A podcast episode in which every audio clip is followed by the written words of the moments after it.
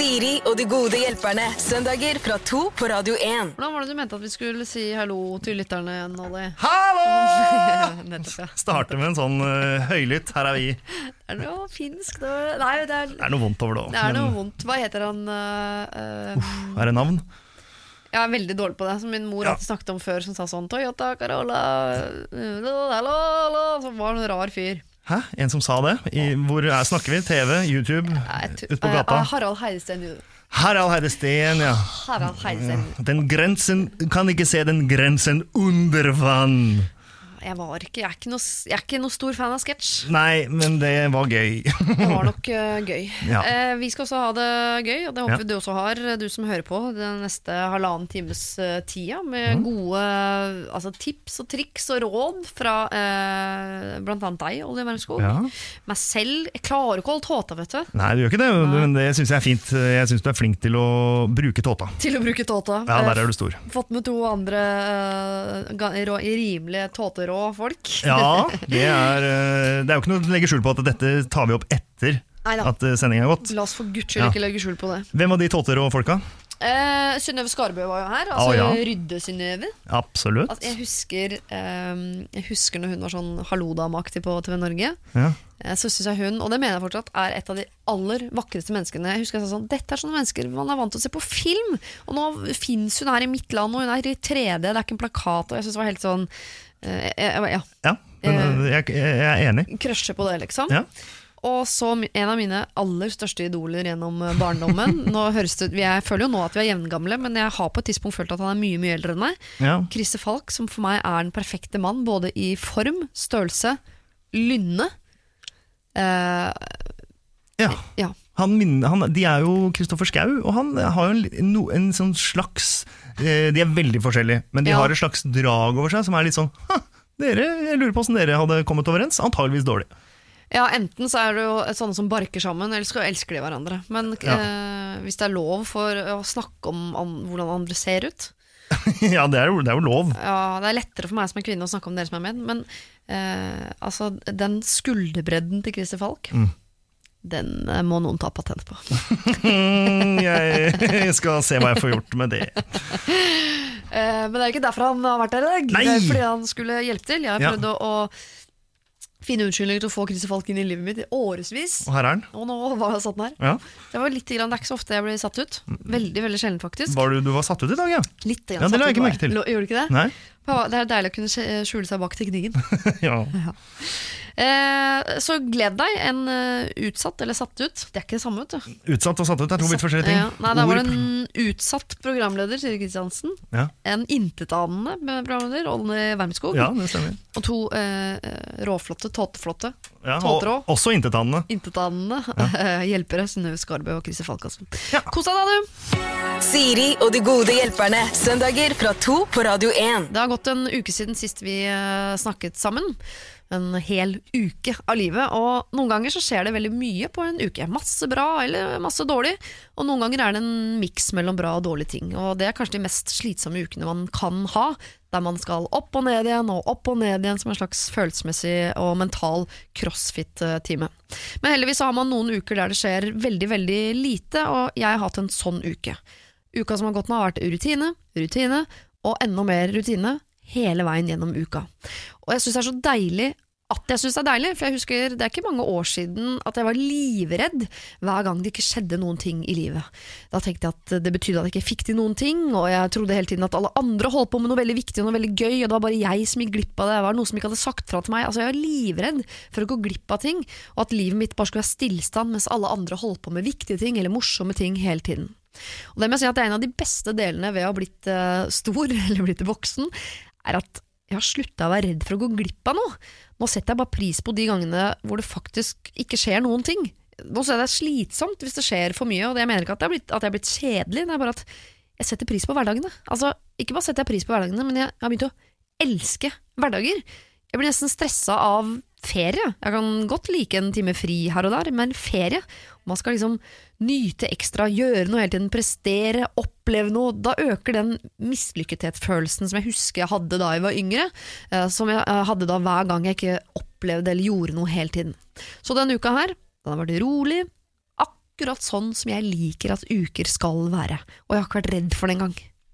Eh, Olli, som er min eh, faste gode hjelper her i Siri og de gode hjelperne, sitter ved min eh, side og nikker anerkjennende til dette. eh, har du hatt en bra uke, du?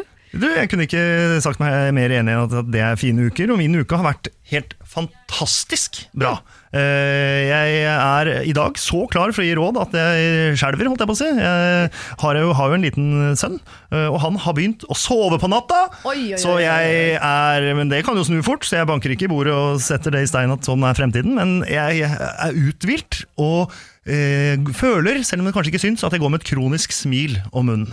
Er det ikke sånn de sier om bitte små unger, at med en gang du tror du ser noe som har blitt en, eh, ny standard, så gjør de om på det? Ja, så eh, jeg har fått tips. Alt som er bra, vil forandre seg, men det vil også alt som er dårlig. Ja, Så, så, så nå er det en god fase, og så bare håper jeg at den varer i mange uker og måneder og år, da. Men det gjør det sikkert ikke. Hver gang dere har funnet ut av noe, så er det noe nytt de lurer på, eller vil lære. Ja. Ny runde, ny runde, ny runde. ja, ja. Ja. Men, men.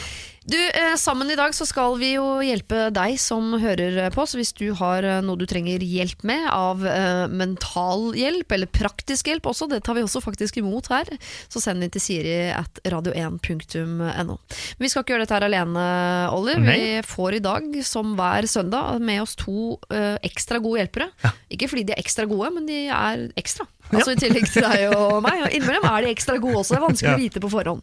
Så Olli, hvis du går ut og henter. Synnøve Skarve og Christer Falk Tar av meg headsetet og henter. det, så skal jeg imens spille Ed Sheeran for deg. Dette her er uh, perfect. Siri og de gode hjelperne. Mail oss på siri at radio1.no. Ed Sheeran har vi hørt da, som heter eh, Perfect her på Radio 1. Og nå har jeg fått uh, de gode hjelperne på plass. Olli, du har jo vært her lenge, men nå har Ja. du også vært ute og hentet Christer Falk og Synnøve Skarbø. God morgen. God morgen. Eller formiddag. Folk er litt uenige om det greiene der. Um, jeg lurer på om dere har hatt en problemfri uke. Kan du begynne med deg, Christer? Ja, jeg har veldig få problemer i hverdagen min. Jeg skaper problemer for andre, og på en måte blir kvitt alt som er av problemer ved å overføre det på andre. Ja, det har, øh, er, det, Det er barn, det er kone, det er, eh, det er alt. er, det sånn du, er det sånn du blir kvitt liksom, agget? At du bare overfører det på andre mennesker? Jeg blir glad av å se at andre responderer på ting jeg gjør, enten det er positivt eller negativt. Og da av og til så kan jeg ta krone og mynt, så blir det negativt. Da tenker jeg ja, like greit. Vil ha respons. Og så går du på en måte bare tørrskodd gjennom det hele og koser deg i ditt liv? Har det alltid vært sånn? Ja. Så deilig. Men må du, er, det, går det øh, automatisk, eller må du tenke for at det skal Nei, bli sånn? Nei, det er på autopilot. Det, jeg kjenner at eh, Men jeg, sjelden jeg, jeg, jeg kan like gjerne gjøre hyggelige ting, men av og til kan det bli kjipt, av og til hyggelig. Men det er bare at jeg ikke Det, det, blir, det må være noe reaksjon, det må være et eller annet. Jeg må være i senter. Ja. Jeg kan fortelle kjapt en kort historie Synnøve og Olli, om Christer og meg. Jeg vet ikke om du husker det selv, Christer, men For mange år siden så var jeg produksjonsassistent i en produksjon som Christer var med i. Og fordi vi kjedet oss sånn så innmari da, så satt vi eh, i, ute i publikumssalen og så på at de drev og rigga noe lys og noe greier. Eh, og hadde en ganske lang og heftig diskusjon om hvordan vi skulle ta livet av alle de som jobbet der inne. Husker du det, var det en produksjon? Det var finalen i Robinson et eller annet år hvor de plutselig bestemte seg for at den skal ikke være på øya, den skal vi ha et studio her i Nydalen. Ja, det, det er 2001 må det ha vært. Ja, det må ha vært- Da var jeg prodassen din, og da kjedet vi oss. Da satt vi og snakket om hvordan vi skulle uh, banke opp de andre som var på jobb eller noe. Ja, det, Husker du dette her, Christer? jeg husker ikke formiddag. det, men jeg, jeg, kan, jeg kjenner igjen situasjonen. Det har vært mange situasjoner hvor har, eh, vi har snakka om hva som skal skje, hvordan folk skal dø og sånt. Ja, ja, det er konstruktivt. Innimellom kan det være konstruktivt. Med deg da, Synnøve, har du hatt en fin uke? Nei, ikke i det hele tatt. Her har jeg fått betennelse i kjeven, og eh, eksospotter på eh, bilen min som jeg elsker mer enn nesten livet sjøl. Gått brøkke to, så jeg må kjøpe ny bil, og ja, du veit. One of those weeks der alt har gått eh, til Den bilen som du har hatt i alle år som du er så glad i? Jaresen. gull Jaresen. Så du bytter ikke bare eksospotta, du bytter bilen? Ja, det kosta 21 000, og da Oi. sa de til meg at det er, det er ikke verdt det. Det er dobbelt så mye så, for ikke å si trippelt så mye som bilen er verdt, så jeg vet ikke om jeg skal ta på meg den kostnaden. Nei, da blir det en ny bil. Ja, Ja. Dere, vi skal eh, dessverre ikke rydde opp i private problemer her i dag. Vi skal eh, hjelpe andre mennesker som har, har sendt inn problemene sine til oss. Hvis du som hører på ikke har sendt inn ditt, så eh, har du nå altså muligheten. Mailadressen her er siri, alfakrøll, radio1.no. Siri og de gode hjelperne. John Legend med All of Me var det du hører på Radio 1. eh, Siri og De gode hjelperne, som i dag, eh, som alltid er Olli Wermskog fra de finske Er det furu eller gran det går i der borte i Finland? Det går mest i bjørk. Det går mest i bjørk, ja. Ja. ja jeg trodde det var mer Island, Ja. som jeg pleier å si. Eh, Christer Falk og Synnøve Skarbø. Vi skal eh, hjelpe en uh, ung jente som helst vil bli kalt for uh, M, rett og slett. Hei! Jeg dreiv og sveipet på Tinder her en dag da jeg plutselig kom over kusinen min. Og i bioen hennes hadde hun skrevet noen emo emojier som tydelig signaliserte at hun søker jenter. Jeg er også skeiv, noe hun vet, men hun har ikke fortalt meg at hun er skeiv selv. Vi er utrolig nære, og jeg vil påstå at hun er en av mine aller beste venner. Så jeg lurer på, kan jeg si til henne at jeg vet at hun er skeiv? Det kan jo sikkert oppleves litt påtrengende om hun nylig har oppdaget denne siden av seg selv. Eh, og jeg vil at dette forholdet vårt skal fortsette sånn som det alltid har vært. Eh, og jeg vil ikke skape noen avstand mellom oss. Så hva gjør jeg da? Hjelp! Og da hilsen denne M. Det, det første jeg må vite, er hva slags emojis er det? Eh, det er eh, to uh, jente-emoji-dukker og noe, eh, noe spørsmålstegn og noe greier. Hvert fall tydeligvis noe internt? i Ja, ok. Jeg vet ikke. Ja. Det høres jo ut som hun er ganske tydelig allerede, da. Ikke verbalt, men med emojis. Det er, det er ikke så mye spørsmålstegn rundt sånn Hvis du viser to jente To jente-emojis på Tinder, Ja. så føler jeg på en måte at du har sagt det, og venter kanskje litt på at noen kan adressere det, og si sånn Du, er du kanskje Spiller du litt på den andre siden? Ja, men det er bare eh, den følelsen av å få beskjeder om det du anser som din nærmeste venn via Tinder. Man vil jo på en måte bare ha Hvorfor kan han ikke, bare, hvorfor har han ikke sagt det? Det kan jo at hun bare er så avslappa på det at hun ikke Hvorfor skal jeg lage poeng at jeg er lesbisk? Ja, det var du. Ja, men var ikke du kusiner, da? Det var ikke nærmeste venn? Jo, de er veldig gode venner, står det. Kanskje ikke de er så gode og- venner allikevel. Kanskje M har driti seg ut litt og feilberegna. Det er ofte det at du tror du er bedre venn med noen, og så at den andre kanskje ikke føler det samme. Jeg husker jeg spurte her for en stund siden, så var jeg en som jeg hadde liksom på min andreplass på jentelista, Ja. og hun sa at jeg var på hennes sånn, et sted mellom syvende og tolvte. Oi. Og det kan jo hende at hun har det sånn at hun rett og slett ikke bør ha så mye med kusina å gjøre, som ikke har engang betrodd seg sånne ting. Ja, at M har eh, kusinen sin som nummer to, og så har tilbake så er det mellom 7 og 12 år 63, siden. ja, Ja, altså, eller sånt. 63, ja, enda verre. Men, Men kan hun, ikke, kan hun ikke bare spørre, da, rett ut? Jo, jeg ville gjort det. Men det, det, er noe, det at de er i slekt, syns jeg ofte det gjør noe situasjonen litt, litt verre. Det er mye lettere å betro seg til noen som er venninne, enn noen som er i slekta. Syns nå jeg sjøl, i hvert fall. Og så er hun sikkert nervøs, fordi hun, hun ikke M, men jo, M er, var også Ja, begge to er lesbiske. Ja, så ettersom hun allerede er lesbisk, og det vet jo da hun kusina sikkert, Ja. så kanskje det er enda, sånn, enda verre å si sånn Jeg gjør det samme som du gjør fordi du er kul, eller Ja. et eller annet i den duren. Står det noe om alder? Hvor gammel, gamle de er? Nei, Nei. det står ikke var det. ikke 24, sa du? Nei, Nei. jeg har ikke sagt noen ting om Bare det. antar. Ja, men, du, Du- 24? Du skal ikke se bort ifra at det er 24 Ja, som er ung, eh, riktig. tenkte jeg ja. 24-ish. Mm. Men jeg bare tenker, eh, hvis jeg skulle ha stått fram med en hemmelighet eh, som jeg vet at egentlig en, både en kusine som er en nær venninne av meg, hun deler den hemmeligheten. Det høres så rart ut å ikke bare mm, si det. Og jeg tenker Hvis jeg da har valgt å ikke si det, så er det fordi jeg ikke vil at hun skal vite det. Så, så jeg ville tenkt at M ikke skulle spurt. Jeg har aldri diskutert med min fetter min legning. Nei. Kanskje hun er redd at hun er keen? Å, det er lovlig det, kusiner. Er det det? Ja, er det ikke det? Nei, ikke tremenninger som er lov, da? Jeg tror, jeg tror ja, stemmer det. Jeg tror vi er- må Nei, opp på et hak, hakk Eller det er kanskje på Finland. I Finland er det lov, i Finland er det. Hvor, der er lov å gjøre til med veldig Jo, tett. men grunnen til at det ikke er lov, er vel noe sånn eh, at man kan få eh, ganske rare unger. Det får jo ikke de to jentene. Jo. Nei, ikke sant? Men Så det er ser du jo på finske lagbilder av fotballklubber, og sånn, så er det veldig ofte at øynene sitter nesten på nesegrevet. Jeg Det tror jeg er pga. mye sånn kusine- og fettersex. Ja, jeg- Jeg, jeg, kan, jeg skriver Jeg holder, men svarer ikke på det. Nei. Fint hvis du ringer hjem og sjekker det greiene der, uh, Olje. Uh, men ok, vi er litt uh, usikre på eh, hvor god denne relasjonen er, siden hun har valgt å holde Ja, det det hemmelig. Men det eh, M spør om her, er om eh, hun kan eh, ta kontakt med kusinen sin og uh, si at hun vet. Ja, det, ja, et rungende ja fra min kant på Ja, det. Ja. Herfra. Herfra. Alt annet er jo galskap. Ja, Ringe rett og slett og si det jeg så på Tinder. Eller bare, Du kan du bare svare på den Tinder? ja Sveip høyre, eller hva det er. Er ikke høyre Hei yes? sann, er du her? Eller Ja. du vet, et eller annet sånt. Ja, kan man snakke Eller- sammen på Tinder? Ja, kanskje han det? Er ikke det poeng med Tinder? Eller det er jo mange er vel- poenger, men Er ikke det dialog der? Er det bare se bilder og så treffes? Nei, det er dialog. det er dialog. Det er dialog, Det er dialog. ja. Hvis Kan begge man har snakke på høyre. Tinder, da? Ja. Da kan man Ja, da er det bare å dialogere. si hei, yes, Ja, du her, stikk ned på Superen og kjøp deg noe Varmt biter. Så deilig at vi ikke kan noe om dette. egentlig Det er litt deilig å vite. Jeg skal sette meg inn i, i Tinder i større grad til neste gang. Men kjære M, du kan altså uh, ta kontakt med kusinen din. Om du gjør det på Tinder eller på telefonen eller hva du nå velger, det er opp til deg. Men at du kan konfrontere henne med at du vet, det syns vi absolutt at du kan. Siri og de gode hjelperne. Mail oss på siri at radio1.no. Sean Mendes, 'There's Nothing Holding Me Back', synger han her på Radio 1. hvor Jeg sitter sammen med tre gode hjelpere. Det er i dag Synnøve Skarbø, Christer Falk og som alltid Olli Wermskog. Dere, Vi skal hjelpe en som heter Ingrid, og hun er 24, Synnøve. Ok. Ikke sant? Jeg var framsynt. Ja, du kan ha vært litt framsynt der. Eh, Hun skriver Hei! Min venninne tror helt oppriktig at hun en dag vil bli Norges nye store sangstjerne.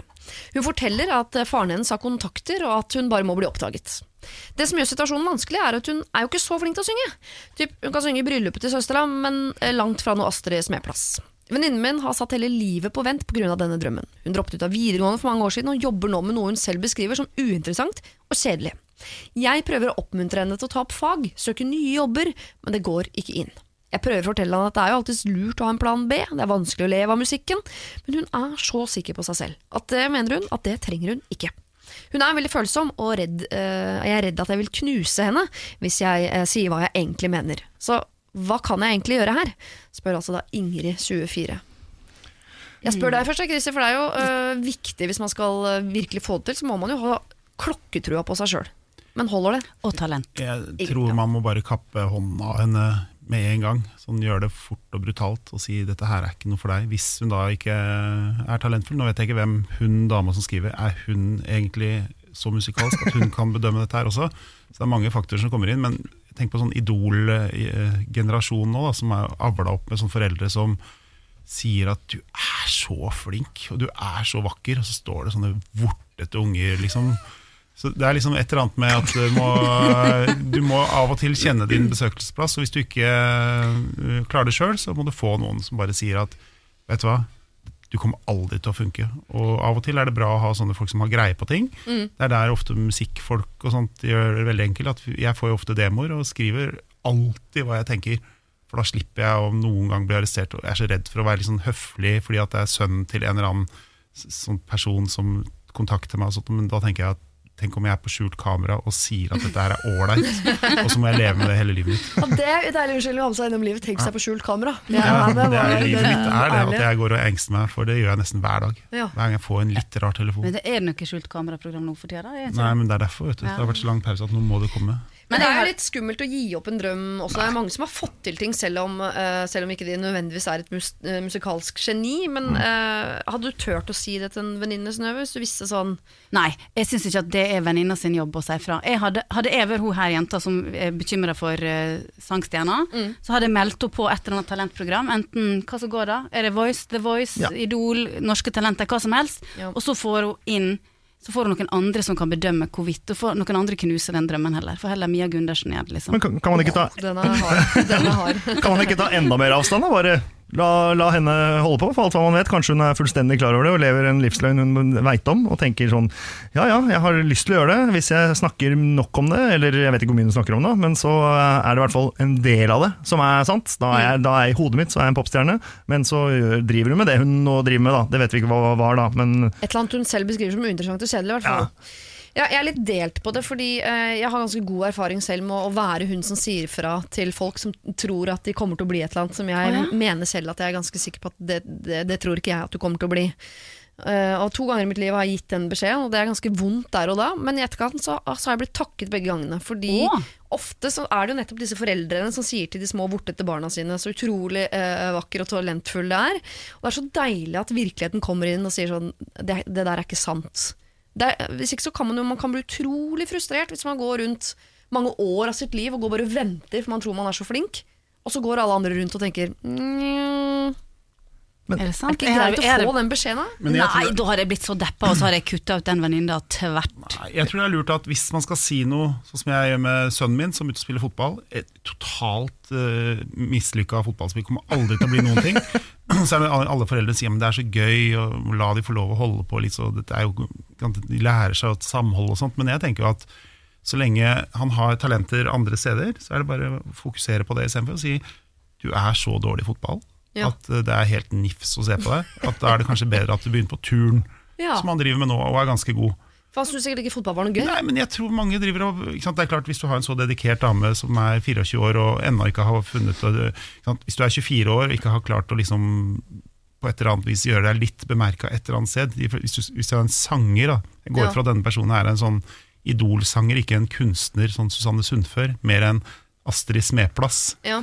For å si det sånn. Ja. Så, så tenker jeg da at eh, da er du 24 år gammel, da har nesten toget gått hvis du skal bli en sånn type popsanger. da. Men hvis du er en kunstner som sitter og lager musikk, og alt mulig sånn, så er det jo aldri noe tog som går. Men uh, det er også et tegn på at hvis du ikke har greid å gi ut en singel, du har ikke greid å bemerke deg på noen som helst måte annet enn at du vet sjøl at du er god, Ja. karaokebar, liksom, da er det bedre å tenke nei, jeg er sikker på at du kan noe annet. Men er det fortsatt venninnas oppgave? Kan, kan Nei, ikke, det kan ikke ikke man bare Jeg ville backa off, jeg. På en så, for det er så det, Å være god til å synge eller stå på en scene er så mange ting, kontra hvis du skal bygge opp et uh, hus. Da Eh, Da er det på en måte enten står det, eller så står det ikke. Det er mange ting mellom der òg, men, men eh, det er lett å si. Du, jeg syns ikke du er så flink til å gjøre akkurat det. Det er mye mer konkret enn Ja. eh, ikke, Jeg sier ikke at sang ikke er konkret, men det er et større uttrykk.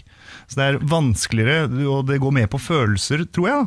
I hvert fall vi gjort for min del. Hvis noen skulle sagt du er elendig til å synge, og jeg tror jeg er god til å synge, så vil jeg helst høre det fra en som jeg veit hva snakker om, enn fra liksom bestekompisen som sier som du.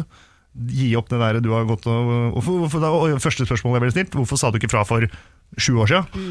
Men Ja, men nå sier du hadde er deg fortsatt, sjøl litt, da. eh, da hadde man vel fortsatt et håp at den stemmen kanskje kunne bli til noe. Eller så sier man jeg var redd for at jeg var med på skjult eh, kamera, kan man jo si hvis man får det spørsmålet tilbake. Ja, men Det er det jeg er redd for, at hvis du ikke, hvis du ikke sier fra, Ja. og så har du vært bestevennen, og så viser ja, det det seg at du er eh, liksom det jævligste av det jævlige, og så, så, så Men det er ikke vennen sin jobb. Men. Forutsetningen er at denne venninna hennes må jo ha greie på musikk for å uttale seg. Ja, Hvis kanskje hun er helt generell- tonedøv Ja, ja. vesen, for alt vi veit. Ja, det kan. Kanskje er hun sjalu, kanskje hun har lyst til å bli popsanger. Heter, heter det popsanger?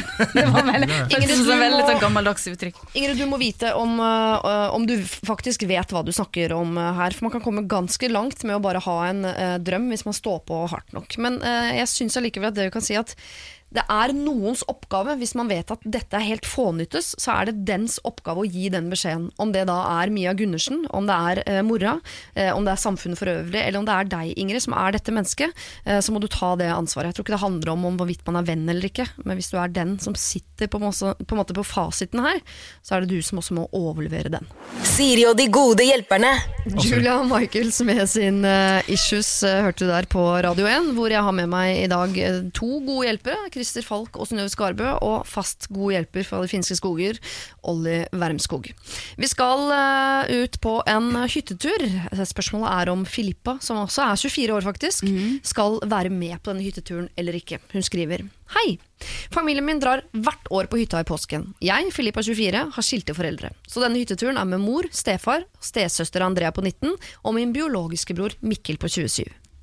Jeg fikk vite i år at jeg og broren min må dra hjem fra hytta på onsdag, siden jeg har invitert to andre familier, og dermed så er det ikke plass til oss. Det stakk litt. Spesielt siden lillesøsteren vår ikke ble bedt om å reise hjem. Jeg hadde forstått det hvis foreldrene mine ville ha en voksenpåske helt uten barn, men dette her er forskjellsbehandling som sårer meg. Vi har bestandig vært velkomne hele ferien, og jeg syns i det minste kunne spurt oss på forhånd hva planene våre, var, før de inviterte flere enn det det er plass til. Jeg vil legge til at stefaren min ikke er en slem person, likevel føles det som at for han så består kjernefamilien av mamma, han, Andrea, mens jeg og Mikkel bare er i veien. Jeg vurderer å boikotte hele turen og heller være med venner, eller bare sitte hele påsken på hybelen min og grine, eller skal jeg heve meg over dette her og dra på hytta de første dagene. Filippa, 24. Hvem er det som eier hytta? Er det mora? Er det hennes kjødelige mor, eller er det stefaren? Å, du er så god på spørsmål, Synnøve. Jeg ramla ut så tidlig, for jeg hørte at biologiske søsteren var 27. Nei. Nei, broren var 27, og så stesøster på 19. Andrea 19 og Mikkel 27 er eh, barn, eh, biologiske barn, og så er det Andrea som er stesøstera. Hun er eh, Nei, Filippa på 24 og Mikkel på 27. Jeg skjønner at du faller ut. Jeg har lyst til å sitere Anne Grete Preus. Først når dørene står åpne, kan du velge om du vil gå forbi. Oi, det, Skjønte Ja. jeg nesten ikke. Så, Ikke. det var så at, tenkte eh, hvis- her er jo døra stengt fra onsdag, så Ja, da, da- skal man går- gå inn den stengte døra hvis man Nei, går forbi hvis, den som hvis er døra er stengt, så går du bare forbi. Hvis du ikke er invitert. Så jeg syns aldri man skal invitere seg sjøl til noe man ikke føler at man er en, i hvert fall en variant av æresgjest i. Men hadde du vært der første halvdel? Jeg tror jeg hadde Nei, jeg droppa hadde det. droppa alt. Den kjedelige første helga, liksom. Hvis du ikke er 100% velkommen, så er du ikke velkommen. Da er det bedre å la være. Men da hadde jeg ikke gjort det vanskelig, siden det er kjøtt og blod. Da hadde jeg bare sagt og veit du hva, akkurat den helga så prikk, prikk, prikk. Og så hadde jeg gjort det Det enkelt for kan folk. jo virke som at det er eh, Jeg, jeg vil anta, uh, holdt jeg på å si, at det er stefaren sin Ja. hytte. Uh, og så er det da Hun Andrea er da den Den eneste som er en, ja. ja, altså, en en eneste Hans familie. eneste. Ja, og da er det jo sikkert en historie før deg med noen andre familier med Jeg tipper det er en kabal som ingen helt er happy med. Ja, da de, men hun begynner med hvert år drar vi på hytta i påsken, så jeg ser for meg ja. bare, For meg er hytte en sånn institusjon som er av selv om mamma og pappa går fra hverandre, selv om noen dør, selv om Mm. det kommer et søsken eller forsvinner et søsken, uansett, hytta den står der, og der er vi i påsken ja, samme hva? Jeg hadde, jeg hadde sagt fra eh, ryddig og eh, ærlig, Ja. uten å legge følelser til sida. Sånn, fordi jeg tror, ikke, jeg tror fort kan blusse opp mye, mye krangling, eh, eventuelt, uten at jeg kjenner familien. Um, og si sånn føler jeg det, og dette syns jeg var eh, merkelig. Eh, jeg har vurdert å bli hjemme fordi jeg, dette gikk inn på meg. Eh, og jeg kommer til å eventuelt- eventuelt jeg kommer til å bli hjemme, så de vet hvorfor. Så kan man selvfølgelig, som Kristin foreslo, bare ta det liksom, Bare ikke kommentere det, men da vil det antagelig skje det samme året etter, da, eller andre ganger. Så vil man tenke på det resten av livet. Ja, for jeg tenker Hvis vi godtar dette, så er det første steg i retning av at den uh, faste liksom, hytteturen i påsken Den forvitrer helt. Ja. Det så jeg er de- Rutiner og tradisjoner er jo bare mm, Det er der så lenge det er gøy og frivillig, og det er eh, på en måte, frivillig basert. Ellers så syns jeg bare man skal legge det dødt. Jeg tipper de er tenker at nå er disse så store, nå er de 24 og 27, nå klarer de å feire påske alene. Tipper jeg at foreldra eller stefaren tenker. Det er ikke sikkert de er klar over det, at det, det sårer så mye. En annen ting er hvis du er 24 år, 27 år, eh, så tenk hva er det som trengs her. Det er jo bare et ekstra rom. Bygg det, liksom? Eller? Bygg det sjøl, tjen disse jævla penga og bygg dette rommet, ikke klag. Folk er ikke barn når du er 24 og 27 år. Da må du liksom, ok, Hvis jeg virkelig har lyst til å dra på den hytta og skjønner at det er plassproblemer, og det kommer det bare til å være resten av livet deres, enten så må de jo eh, slutte å formere seg, de må kvitte seg med familiemedlemmer, eller beste, bygg et ekstra rom. Ja. Eller et anneks. Anneks er lurt. Ja. Eller ta inn på Pers hotell, Mm. hvis det er på Gol. Ja, Dyrt da i påsken. Og send regninga til stefaren din. Ja.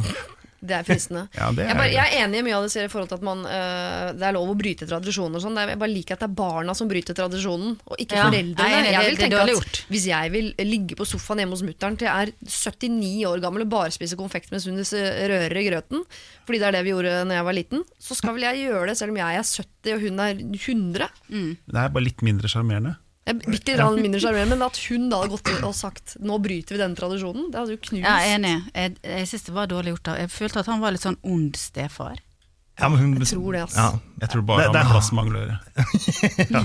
Er jo han du burde gi råd til, jenter. Jeg vil legge til at stefaren min ikke er slem. Men det føles Ja, som om nei, men- består av han, mamma og Andrea, Andrea. mens jeg og Mikkel er bare i veien. Det er en vond følelse, altså. Ja, Ja. 24 år gammel. Da må du takle nederlag, altså. Ja. Du kan ikke gå Ja, men ikke fra sutre. Foreldre. jeg skal ikke svikte. Ja, Jo, men altså, ja, de, skal ikke, de, ikke, altså, de skal jo ikke i fengsel. De skal jo bare på en hyttetur. Så Ja. jeg, jeg, jeg syns ikke man skal øh, det, Jeg syns ikke man skal være for hard på det. Det må man være varm og inkluderende på. Så sier vi skal oppsummere. Et, ja, for jeg, lurer, jeg har lyst til å oppsummere én setning, og det er at øh, i et anneks så er man aldri i veien. Det er litt fristende å si, men uh, det er veldig følelsesløst å si også. Her hadde jeg gått hardt på følelser overfor mor, spilt på alle følelsene. For når et barn sier fra til sin mor om at dette her oppleves vanskelig, da går mor i kjelleren. Ass. Og det er ikke du Philip, som skal gå i kjelleren, du er 24 år. Det er mor Ja. som skal gå i kjelleren. Så her hadde jeg spilt på følelser. Og i etterkant bygd et anneks. Siri og de gode hjelperne. Søndager fra to på Radio 1. Ja, øh, jeg bare tar over, jeg. For jeg Ja. har lyst til å gi, gi deg rollen som øh, hjelper også nå, Siri. Ja, Eh, takk. Fordi jeg har jo tatt en liten titt inn i mediebildet og funnet en eller annen som trenger litt hjelp der, som ikke nødvendigvis er klar over det. I dette tilfellet så er nok denne personen også klar over at den trenger hjelp. For det er en han, det er Olemic Thommessen. Eh, har dere hørt om han? Ja, men Er han i familie med Olaf, Olaf Thommessen? Du Det er høyre-venstre blir helt krasj. Nei, de er ikke i familie, ikke. Nei, nei, skjønner. Jeg vet ikke, så jeg svarer ikke. Eh, Men han er i hvert fall i hardt vær om dagen grunnet litt eh, oppussingproblemer. For han skal jo da eh, med andre da pusse opp Prinsens gate 26, som da er starta som et budsjett på 70 millioner og har endt opp langt over. Og er nå endt opp i 2,3 milliarder. Ja. Og han kommer jo til å trenge å pusse opp i fremtiden også. Et eller annet. Enten det er eh, familiehytta, eller om det er innenfor, et, innenfor jobben. Det vet jeg ikke, men jeg tenkte vi sammen kunne komme med noen tips og råd til hvordan han skal kunne bli bedre til å holde seg til budsjett når det gjelder oppussing. Hvordan holder man seg uh, på budsjett, til budsjett? Jeg vet ikke preposisjonen uh, når man driver med oppussing. Det kan gjelde eh, matbudsjett og altså, Ja. alt. Det virker som han er helt ubrukelig når det kommer til økonomi og følge sine egne planer. Han- Mannen må jo lære seg Excel. Men du Ja. må, i hvert fall det første du må gjøre, er å ikke avtale timelønn. Ja. For du må jo ha en fast pris, ja, ha og fast det pris. blir det uansett. Og det, og så må du sørge for å ikke betale før jobben er gjort. Mm. Ja, men er det mange som, alle som vil jobbe, da? Vil ikke de, først, vil ikke de ha et forskudd og ha noe å leve av mens det pågår? Jeg tror folk vil ha jobb, eh, først og fremst. Og hvis det er en så stor og god betaler, så ville vel ingen vært redde for at de ikke skulle fått penga. Men Nei. det er å gjøre den jobben du har blitt satt til å gjøre innen den tiden du har eh, Det er rett og slett Det er jo uansett hva du driver med. Du kan ikke bare komme etterpå og si det ble mye dyrere enn det vi avtalte. Nei. Nei. Det det, er- her virker det som uh, dere, For dette, dette er nytt for meg, men dette virker som dere har erfaring med. Hvorfor veit ikke Olemic dette? Det er jo på Stortinget, og så sitter vi her, altså gatefolket, og vet Ja. Olemic er jo Det er mye lettere å bruke andres penger. Folk uh, Ja. er jo mye flinkere til å vifte med sjekkheftet når du kan få andre til å ta regninga. Og det er der Olemic har dritt seg ut. Han har, man behandler eh, Stortingets eh, lommebok som sin egen. Ja. Ja. Men tror du han har vært øh, Nå stiller jeg spørsmål istedenfor å Mhm. svare, fordi jeg er utrolig ryddig og god på øh, alt som handler om systemer og penger. Så Mhm. dette ville aldri ha skjedd i mitt liv. Nei, for du avtaler fastpris. Eh, Nei, men jeg setter jo ikke i gang så store prosjekter. Det ville jeg aldri gjort. Det høres jo helt håpløst ut. Men jeg bare lurer på om han har vært helt sånn eh, litt kynisk i forhold til at han vet at her er det masse følelser involvert også. Dette må Mm. pusses opp. Uh, og her er det liksom det, Grunnen til at dette må passe, pusses opp, er jo også veldig følelseslada, i og med at det ble, det ble ødelagt av ABB. Så jeg bare tenker om han har liksom bare tatt en sjanse, liksom. Dette her kommer eh, Ja. nordmenn til å bare betale uten å tørre å si noe alle. Vet du hva som skjedde? Eller? Ja, det høres litt Ja, som jeg tror det bare balla litt på seg, og så Og så bare ble det sånn? Ja. Ja, det er jo altså det, det er jo ikke Det er jo noe som har skjedd her som ikke, er, som ikke har blitt snakka tydelig nok om. Ja. Det, det er jo helt klart. Men uh, skaden har jo allerede skjedd, på en måte. Det, men hvordan kan man da hindre at det skjer? Er det kun liksom fastpris som er det som løser det? Fastpris løser alt. Du bare sier Altså i hvert fall hvis vi, skal, hvis vi skal ta det vekk fra den situasjonen og Ja. ta det ned på vårt nivå, som gjelder oss, Mm. Så er det det som er Altså jeg har brent meg skikkelig og gjort samme tabben som han, kanskje ikke i den skalaen selvfølgelig, men jeg har gjort dette der mange ganger. Ja, på sånn skinnbuksesmell, liksom? Nei, nei, nei, sånn opp, nei, oppuss, nei, nei, nei, ikke sånn. Oppussing. At det bare er tatt av. Oi, oi, ohoi. Bare 200 000 mer enn avtalt, liksom. med en sånn cirka pris, og så har du det gående. Ja, For det er alltid noen skjulte kostnader. Alltid! Ja. Så jeg vil ha det Jeg vil ha absolutt alt inkludert. Moms, alt skal inn i pakka. Og så vil jeg ha det skriftlig. Men er det, ikke, er det ikke sånn at de tar timeprisen på toppen? I det, hvis snekkeren bruker dobbelt så lang tid som han trodde han kom til å bruke? Men da, da skal du ikke ha den. Du må jo bare avtale alt. Bare Ja. ha det steinhardt i forkant av noe. Så hei, jeg skal ha en bok, eller en CD-hylle på rommet mitt. Ja. Spurte jeg en estlandsk eh, dyktig snekker om hvor mye han skulle ha for det. Nei, det kom litt an på Nei, men eh, jeg vil bare ha en pris, en fast pris.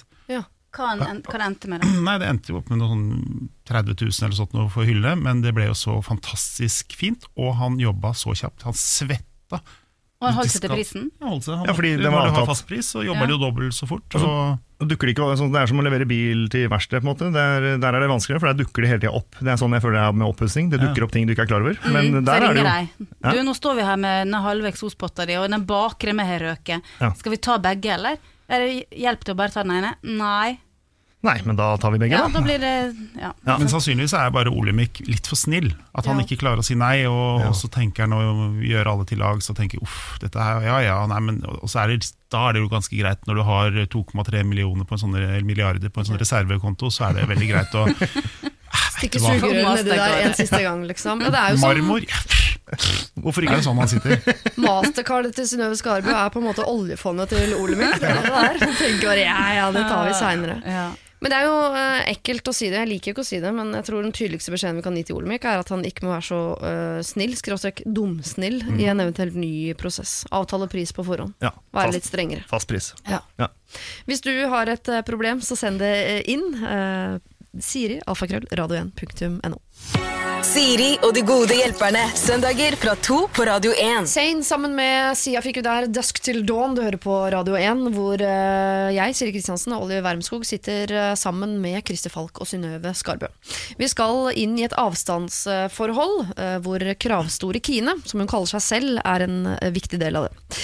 Jeg er i et avstandsforhold med kjæresten. Det fungerer greit. Vi har vært samboere i tre år i studentbyen tidligere, før han flyttet tilbake til vår hjemby for et halvt år siden. Til sommeren er jeg ferdig studert og kommer etter. Rett etter eh, jul kjøpte vi oss hus sammen i hjembyen, og naturlig nok er ikke innredning og pyntegjenstander noe vi har veldig mye penger eller tid til akkurat nå. Og planen er å bare ta det gradvis når jeg flytter hjem, sånn at vi kan skape oss et hjem sammen. Problemet er moren hans.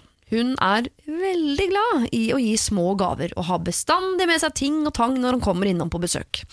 Jeg er veldig glad i svigermor, og kjempetakknemlig for at hun har gitt oss eh, masse ting på andre områder, og jeg vil jo heller ikke såre henne. Hun er interessert i interiør, eh, men vi har bare veldig ulik smak. Altså, vi snakker shabby versus nordisk. Vi, eh, jeg vil veldig gjerne ikke være utakknemlig her, men er det mye å be om uh, at man skal få tid til å sette stilen i sitt eget hjem før noen andre kommer og på en måte bidrar? Her står 'bidrar' i anførselstegn. Hvordan kan jeg ta opp dette på en skånsom måte, uh, samtidig som poenget mitt kommer fram? Og NB, kjæresten min, syns ikke dette er et veldig stort problem. Løsningen hans er at vi bare faser gjenstandene ut og flytter dem gradvis ned i kjelleren. Kall meg kravstore Kine. Jeg tipper at Kine er den som liker nordisk, liksom, Ja, men- enkel, stram stil, og så kommer svigermor inn med det Home. ene drivvedrælet etter det andre som skal opp. Og sånne bokstaver. Ja, og hvordan får man stoppa det der uten å være utakknemlig?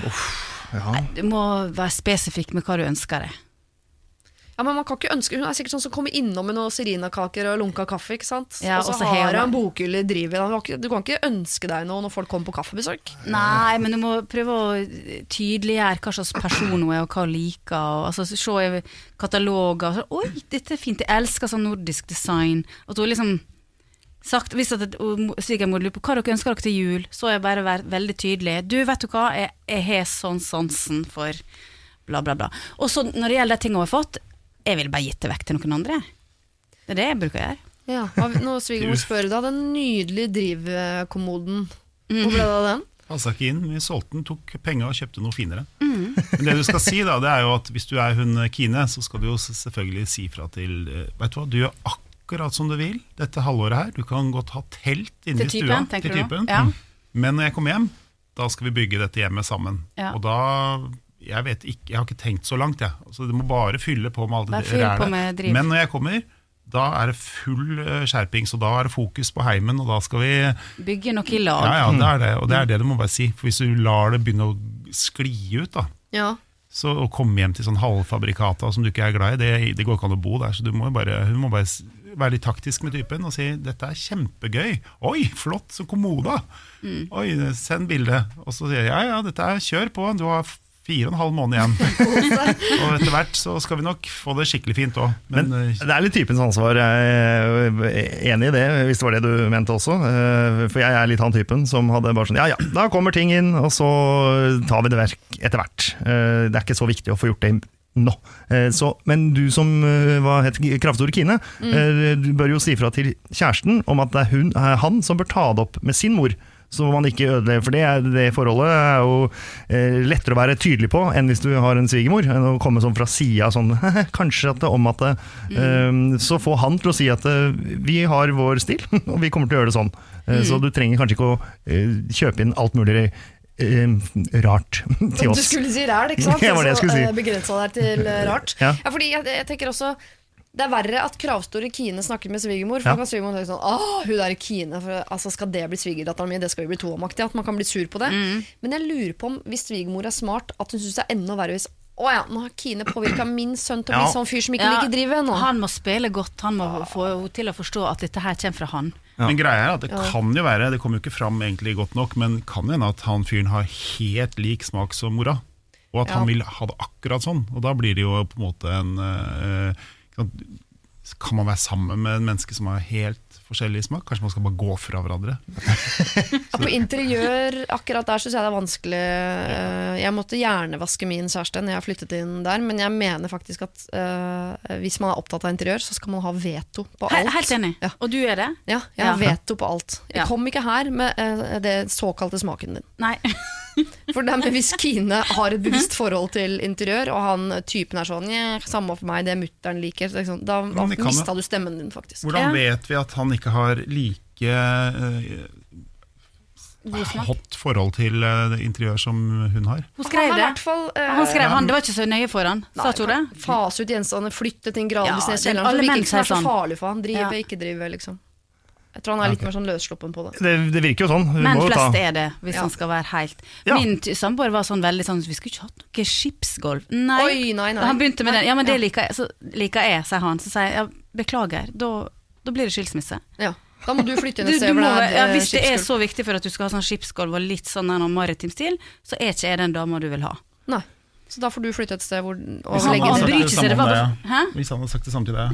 Jeg klarer Ja, men det den er viktig for meg, og jeg vet at han bare later som det var viktig for han for at han ville ha ei stemme. Ja. Og jeg tror det er litt sånn her med at han, jeg tror ikke han typen til Kine er så opptatt av Han syns det bare det er liksom et stearinlys er kveikt, så er han fornøyd. Men er det noen her som mener at de selv har dårligere uh, smak enn kjæresten sin? Ja. Nei. På innredning, eller på Ja, Ja, sånn, generelt? ja på sånn, sånn innredning generelt, Uh, smak eh, ja, jeg mener det. Han Og mener du det. syns det? Ja. Ja, Ja. jeg har Du da?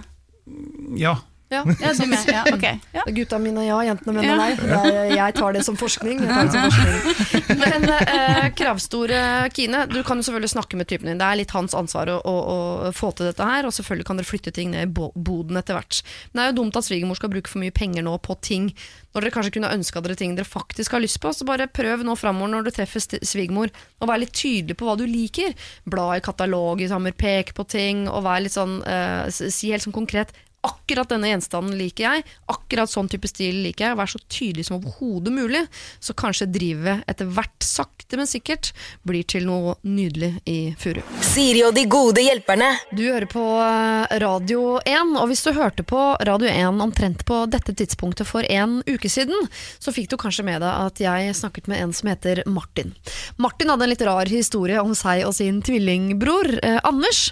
Fordi For mange år siden så hadde de en slags lek der de løp eh, naken rundt i gatene. og På et tidspunkt så uh, var det noen som så disse gutta løpe nakne rundt i gatene, og begynte å følge etter dem. Og Dette brødreparet ble ganske redde. De løp ut i skogen, og på et tidspunkt så skjer det at Anders blir sittende fast i en myr.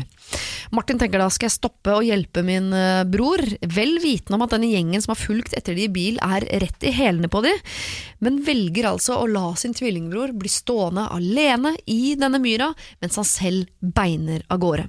Nå skal det sies at det gikk bra. Eh, Det var ingen som kom til skade, men forholdet mellom Martin og Anders har på en måte aldri blitt det samme. Vi eh, eh, sa til Martin forrige uke at vi skulle se hva vi kunne gjøre for å eh, gjøre situasjonen litt bedre. Og jeg tilbyr meg vel på et eller annet tidspunkt der å reise til Bergen for å gi altså Anders en gave på vegne av Martin, slik at de kunne prøve å reparere sitt gode brødreforhold igjen. Eh, jeg dro altså til Bergen, jeg, og du kan få høre hvordan det gikk. For eh, en uke siden så snakket vi med en som heter Martin på telefonen, som var veldig veldig, veldig lei seg fordi han hadde satt broren sin i en kjempevanskelig situasjon. Han hadde løpt fra han rett og slett i en litt farlig situasjon og tenkt «Øh, Tvillingbroren min sitter fast i en myr. Uh, enten blir vi tatt begge to, eller bare han. Så han løp videre og har dårlig samvittighet siden. Det er mange år siden. Alltid hatt lyst til å på en måte gjøre bot. Nå har jeg reist opp til eh, Bergen, hvor hans tvillingbror studerer her inne.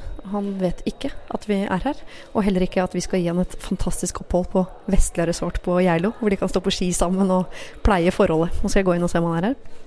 Er det en som heter Anders her? Anders? Har vi stjålet han ut av eh, timen? Jeg tror han har kinesisk. Hei! Har du kinesisk? Ja, Hei. det stemmer. Siri Kristiansen Anders. fra Radio 1. Du, eh, vi har dratt opp til Bergen fordi eh, du har en tvillingbror Yes. som er veldig lei seg fordi han eh, lot deg stå igjen i en myr ute på Nesodden for lenge siden. Ja, det stemmer det. det. Han er fortsatt lei seg for det. Ja, Er ikke du fortsatt litt sur? Mm, Kanskje lite grann. Er forholdet som før, eller er det noe der vi kan reparere? Eh, jeg tror det ble litt annerledes etter den episoden. Men eh, alt kan jo repareres på en eller annen måte. Han har beskrevet deg som en fyr som er glad i å reise og glad i å oppleve ting, at du er veldig aktiv. Eh, så uh, vi har rett og slett da uh, valgt å gi dere to en uh, Viken på Vestlia resort på Geilo, hvor dere kan spise, pleie forholdet, stå på slalåm, ta zipline hvis den er åpen, dra på badeland som er der, og et lekeland for barn hvis dere fortsatt har det i dere. Eh, veldig, veldig, veldig eh, bra sted. Og dere kan dra når dere vil. Eneste som er regelen, er at dere må dra sammen. Hjalp det lite grann? Ja, det, det hjalp. Det er uh, godt å høre at han uh, har lyst til å reparere, selv om det tok en del år. Men uh, ja. Men da får dere dra opp dit og så drikke litt rødvin i baren og, og snakke ut. Så kommer dere tilbake til det 100% gode tvillingforholdet. Skal prøve det. Ja. Gratulerer, da. Tusen takk. Tusen takk. Da reiser jeg tilbake til Oslo. Og så får du hilse broren din. Det skal jeg gjøre. Ha det. Ha det bra. Han var litt sjenert. Men jeg tror han ble glad. Skal til Vestlia, liksom. Ah, Jeg har vært på Vestlia selv, og man bør bli glad for å få lov til å reise opp eh, dit. Fantastisk eh, sted. Og så håper jeg jo da at Martin og Anders kan finne tilbake til dette gode brødreforholdet. Hvis du vil eh, ha hjelp av oss i Siri og de gode hjelperne, så send det inn. Da er det altså Siri, alfakrøll, radio1.no. Siri og de gode hjelperne. Kygo fikk vi der. Stargazing heter eh, låta du hører på Siri og de gode hjelperne, hjelperne her på Radio 1. I dag har Olli og jeg med oss uh, Synnøve Skarbø og Christer Falk. Nå skal vi hjelpe en jente som er bare 17 år. Så her er det jo de fleste av oss må spole ganske godt tilbake i tid for å klare å sette seg inn i hvor hvor stort det føltes hver gang man ble forelsket som 17-åring. Hei, jeg har et litt teit problem som jeg ikke helt vet om passer, men jeg prøver. Jeg er en jente på 17 år som blir ekstremt fort forelsket i gutter rundt meg. Forelsket er kanskje å dra det litt langt, men jeg blir i hvert fall veldig betatt av de. Tror jeg til nå har vært småforelsket i 90% av guttene på trinnet mitt. Dette går utover mitt sosiale liv, da jeg virkelig ikke klarer å snakke med gutter på en normal måte, fordi jeg alltid prøver å imponere dem. Og eh, det er ikke sånn at jeg egentlig er ute etter noe heller, jeg klarer bare ikke å snakke vanlig med noen. Har dere noen råd som kan hjelpe en jente i nød som ikke orker å crushe på hele verden samtidig? Hilsen småforelsket i alle. Var du sånn, Synnøve? Nei, jeg var dessverre ikke det. Jeg var sånn som ble forelska én gang, og så satt det i, i årevis. Ja. Um, så jeg syns at hun er heldig. Som Det høres gøy ut. å Ja, gå rundt sånn- Ja, at yeah. popper opp, eh, den potensielle make popper opp liksom overalt. Herlighet, er hele verden boltreplassen din, liksom. Ja. Jeg var litt sånn. Du var sånn. Jeg var masse forelska i alt og Alt som kunne kaste skygge? Ja. Jeg ble fort glad i ting, og jeg vet ikke om jeg var like eller det, vet, det må jeg høre med de jeg var forelska i, da, men om jeg var like sånn stotrende og, og rar når jeg snakka med de, det Ja. kan nok hende at jeg var litt, men ikke, ikke så mye at jeg tenkte at det var et stort problem. Jeg var mer syntes det var gøy. Mm. Men um, hvordan Hvordan slutte? For hun prøver å imponere det. Jeg tenker at Når man prøver å imponere folk, så er det ofte at man uh, For eksempel, e- Eksempelet har jeg brukt mange ganger, men jeg, jeg sa til min kjæreste i begynnelsen at jeg likte Liverpool veldig godt. For eksempel, Ja. som er helt sånn, Jeg har ikke noe mot Liverpool, men jeg er ikke noe opptatt av det. Og i hvert fall på musikk så later jeg som jeg likte en helt annen type musikk enn det jeg faktisk gjør. Jeg tipper uh, Hos deg, for eksempel, Christer, hvis man skulle ha imponert deg, så ville man antakeligvis jugd på seg at man likte en helt annen Man går ikke rett bort der og sier sånn Hei, jeg Siri, jeg elsker Britney Spears, skal vi gå og ta en øl, liksom? Og da får man, hun får jo ikke vært seg selv. Nei, men Nei, jeg, Det hørtes jo ut som en litt sånn klassisk uh, før du er ferdig, uh, ferdig uh, Utvikla. ja. ja. At det er sånn uh, Det går over, liksom. ja, det, det er det første jeg lyst til å si. Først at du forelsker deg i så mange 90 ja, da er det, jo, da er, det er jo sykdom. Da må hun jo bare roe seg ned. Ja, hvordan roer man seg ned Fordi 90% av en hvilken som helst forsamling er ikke attraktive. Da. Nei, men er det ikke en god egenskap? Jeg har en venninne som er sånn som blir forelsket i alle. Og da etter en periode husker jeg tenkte at det der er litt slitsomt. Nå må du slutte å bli forelska. For hun klina over en lav sko, liksom. Med folk som jeg egentlig ikke vil hilse på engang. Gikk hun og klina med. Når hun var ung eller nå? Ung, Ja. ung, ja. Ja, ja. Men, eh, men så har jeg tenkt sånn Du er jo helt enormt flink til å se skjønnhet i absolutt alt. Der jeg ser gråstein, så ser du diamant hver eneste gang. Jeg syns det er litt fint, jeg. Ja, det syns jeg med. Men Jeg syns hun bare det- skal kose seg med det. Men å huske på en veldig viktig ting, det går over. Alt. Ja. Ja. Også denne usikkerheten. Ja. Men det hun lurte på var hvordan å bli bedre til å snakke, eller hvordan å håndtere situasjonen. Hun orker ikke å crushe på hele verden samtidig, men akkurat det syns jeg ikke vi skal ta bort. Nei. Men vi kan jo ta bort den derre uh, at hun må drive og imponere og ikke være seg selv-greia. Kan vi jo se om vi får Det er jo, noe Ja, det er jo, det er jo merkelig, da. Snakk mye med de 10 som er igjen, og så er hun kanskje ikke forelska i 90% samtidig. Det er jo kanskje spesifikke folk. eh, Hvis hun har akkurat vært forelska i noen, så går forelskelsen over til en ny person. Da kan Ja. hun begynne å snakke med den hun var forelska i. Og øve, liksom. Øve, der. ja. Sånn, der ligger det noe, men nå er jeg ikke eh, hardcore forelska her, så da kan, vi, da kan vi snakke litt om Sett deg ved siden av på skolebenken på 17, ja, da går du vel i andre gym eller noe sånt. Da, sett, ha- frie plasser, sett deg ned ved siden av noen, og tving deg selv i snakk med en du har vært forelska i. Øv deg på de 10 du faktisk ikke crusher på. Ja. Ja. Kanskje Men- det kan være en løsning. god idé. Men er det, det virker som det er sånn forelskelse som er mer betatt enn at du skal liksom rote med folk. Fordi at øh, du, Jeg tenker på de 90 Det er jo helt sjukt, liksom. Du, du har ikke lyst til å rote med 90% av folk i klassen din. Nei, Selv eh, nå går jeg fort gjennom klassen min. Ja, men, ja, det er er kanskje nei 3 eller Ja. 12 maks. Men, men uansett så kan det hende at hun bare rett og slett blir glad i folk og så har lyst til å imponere folk. Hvis vi ser bort fra den kjæreste- og, og kyssebiten, at Ja. det bare mer er at hun, eh, som du sier, finner eh, gull der andre finner bæsj, Ja. så er det jo eh, egentlig bare en fin egenskap. Fortsett med det, men slutt å ljuge og skryte på deg ting. For det, det er veldig forvirrende for folk, og veldig forvirrende for en selv, ikke minst. Ja. Å huske på Oi, faderen, tenk om Ips, han jeg sa jeg var Ipswich-fan, møter han jeg sa jeg var Liverpool-fan med, og så må vi Mm. snakke sammen om det. Hvor skal jeg plassere meg til, på tribunen måte, på den fotballkampen? Eh, men jeg tenker også at hvis du øver på å være mer deg selv, så kommer disse guttene også til å være mer seg selv sammen med deg, og da forsvinner crushen på ganske For med en gang folk er seg sjøl, så slutter man ofte å være litt forelsket, faktisk. Ja. Da er ikke folk så spennende lenger. Eller så styrker han seg maks. Ja, ikke sant? Men da klarer du å skille, uh, skille gråstein fra diamant, tror jeg. For alle gråstein er ikke diamanter. Sånn er det bare. Eh, du må ikke slutte å være småforelsket i alle. Det liker vi veldig godt. Det er vi litt misunnelige på, faktisk. Eh, det du må slutte med, er å alltid skulle imponere. Vær ærlig med de du snakker med. Øv deg på de 10% du faktisk ikke crusher på. Øv deg der på å være ærlig. Fortsett med de, gå over på de andre 90. Se om du klarer det der, litt etter litt. Så tror vi at du der etter hvert kommer til å skille mellom de du virkelig liker, og de som det ikke er så farlig med. Siri og de gode hjelperne. Strangers, Sigrid, hørte vi der. Du hører på Radio 1, Siri og de gode hjelperne, eh, som i dag er Krise Kriste Falk, Synnøve Skarbø og som alltid Olli Wermskog. Hvis du har et problem du gjerne vil sende inn, så er adressen sirialfakrøllradio1.no. Vi skal til en som vil bli kalt for Rita, og hun har et problem som uh, kan dukke opp uh, i manges liv på et eller annet tidspunkt. Uh, ikke vært en del av mitt liv så langt. Dette er pinlig, men jeg må spørre om det i det minste er normalt. Jeg er singel og søkende, og i jakten på den rette hender det jo at det blir noen bomligg. Greit nok det, altså, men jeg har fått en greie for å samle på slags trofeer. Jeg vet ikke om det er mitt behov for system, eller hva det er, men jeg er av typen som printer ut bilder og setter i album fortsatt, fordi jeg liker en slags, slags systematisk måte å mimre på.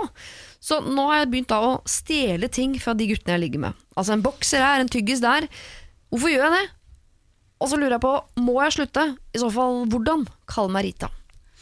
Altså, Rita koser seg, ligger rundt, og så må hun ha trofeer, altså.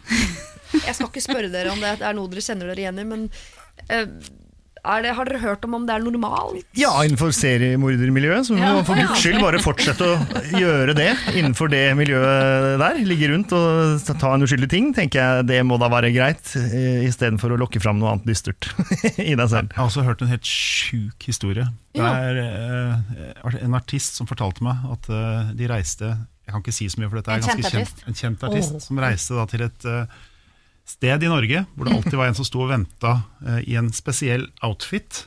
eh, litt til venstre på scenen, og det var, sånn, det var et tegn på at du skal bli med meg hjem etter konserten.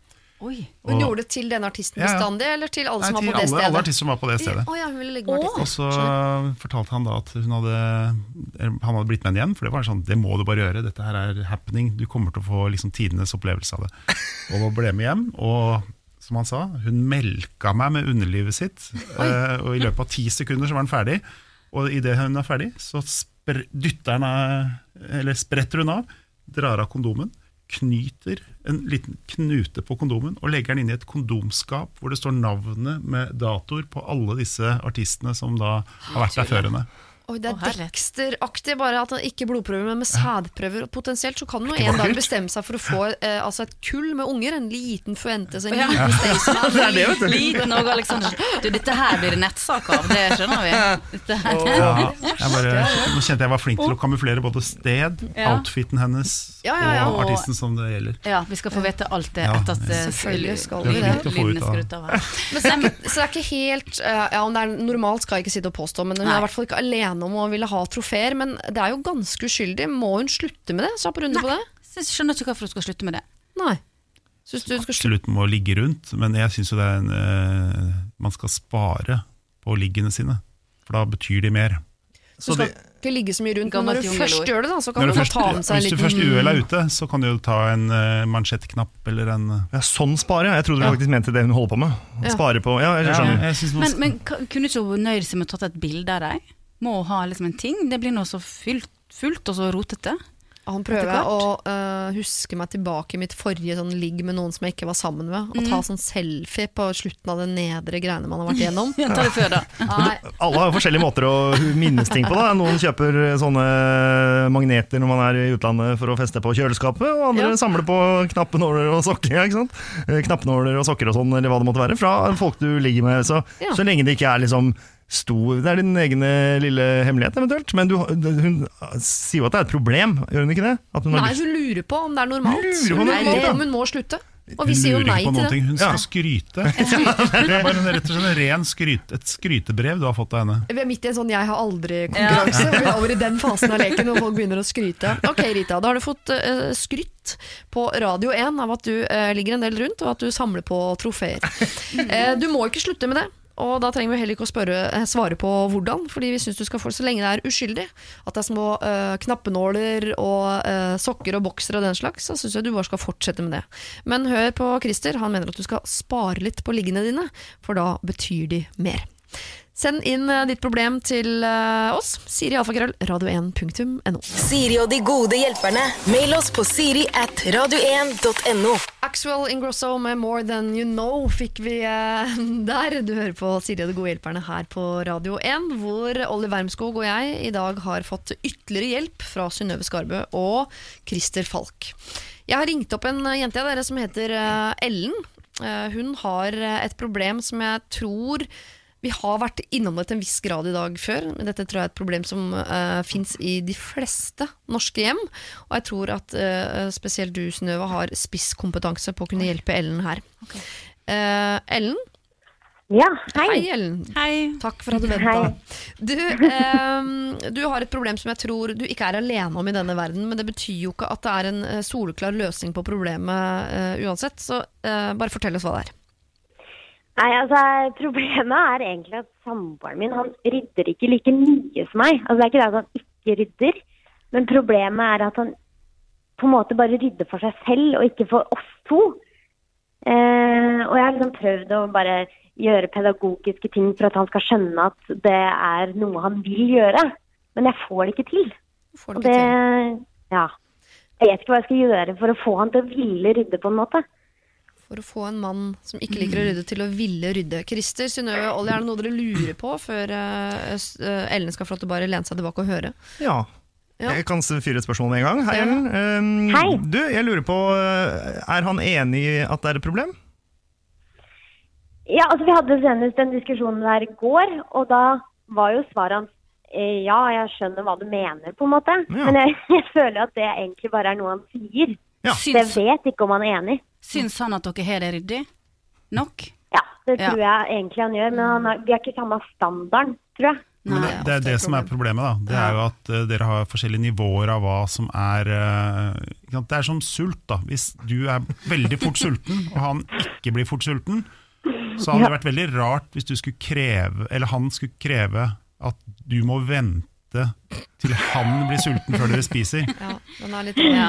Ja. Og, og da tenker jeg det med rydding også, at hvis du har en lavere terskel, da er det ditt ansvar. Du må rydde sjæl, og ikke mase sånn på mannen din.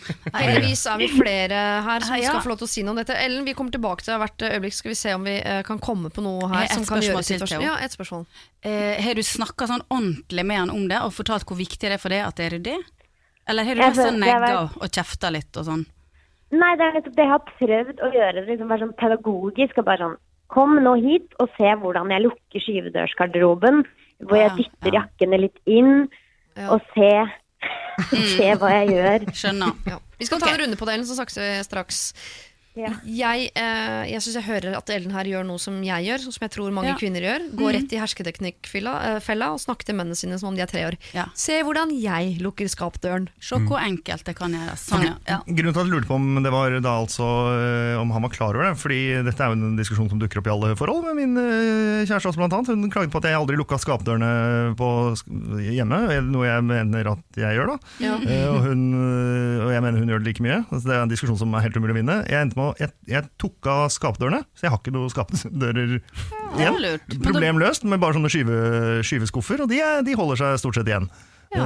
Så det er jo ikke et råd direkte Jo, det er det jo for så vidt. ta, ta, ta dørene, Ja. eh, så, er det, så er det løst, eh, i hvert fall der, da. Men du har vel møtt noen sånne par som dette her, eh, Mm, ja, Synnøve. Fins det en løsning, eller må man bare godta sånn som Christer sier, at du må Nei. godta at det er forskjellig sultfølelse Ja. innad i gruppa? liksom? Til en viss grad så må han det. Altså, jeg skulle ønske at jeg kunne hatt det 100% strøkent alltid. Det, er, er det er ikke samboeren min skapt for, så da er jeg nødt til å føye meg litt på det. Men en ting som er veldig viktig, er å snakke med den andre og fortelle. Det var litt derfor jeg spurte på slutten. Altså Hvis du bare negger og maser og kjefter, så blir det aldri enighet om det. Men hvis du sier Jeg ble, til slutt nødt til å si sånn Du vet hva, dette her er faktisk så viktig for meg. Jeg blir jeg får indre uro, jeg får, blir i psykisk ubalanse hvis at det er veldig rotete rundt meg. Kan vi inngå en slags avtale, et kompromiss, på at du, he, du kan rote så mye du vil på ditt område, og så holder vi min standard i resten av huset. Og slik, det har vi gjennomført. Så han har en rotekrok med dataen sin og sine greier, og så har vi det i resten. Det har funka for oss. Jeg vet ikke om det kanskje kan funke for Ellen, men hun er nødt til å være sånn ærlig med han og fortelle at dette her påvirker meg faktisk. Dette her er ikke et påfunn, liksom.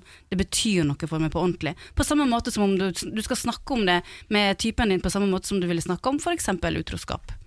Hvis du hadde fått denne beskjeden, Christer, hva hadde du hvordan hadde du respondert? Hadde du gått med på det kompromisset? Eller sagt hvis du vil ha det ryddig, så får du rydde sjøl? Nå er jeg ganske sånn sykelig ryddig sjøl, så jeg Ja, slipper det problemet. Og hjemme så er det faktisk Er det, du som, er det omvendt? Nei, nå ljugde jeg. Ja. Det hørtes så fint ut å si det. Jeg hadde så lyst til å være den personen som var så ryddig.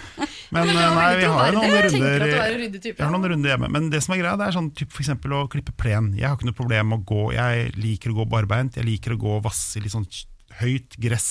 Mm. Det er liksom samme med det sulten-greiene, at hvis noen har så sykelig behov for at det skal være helt nyklipt, så klipp nå dette gresset sjæl, da.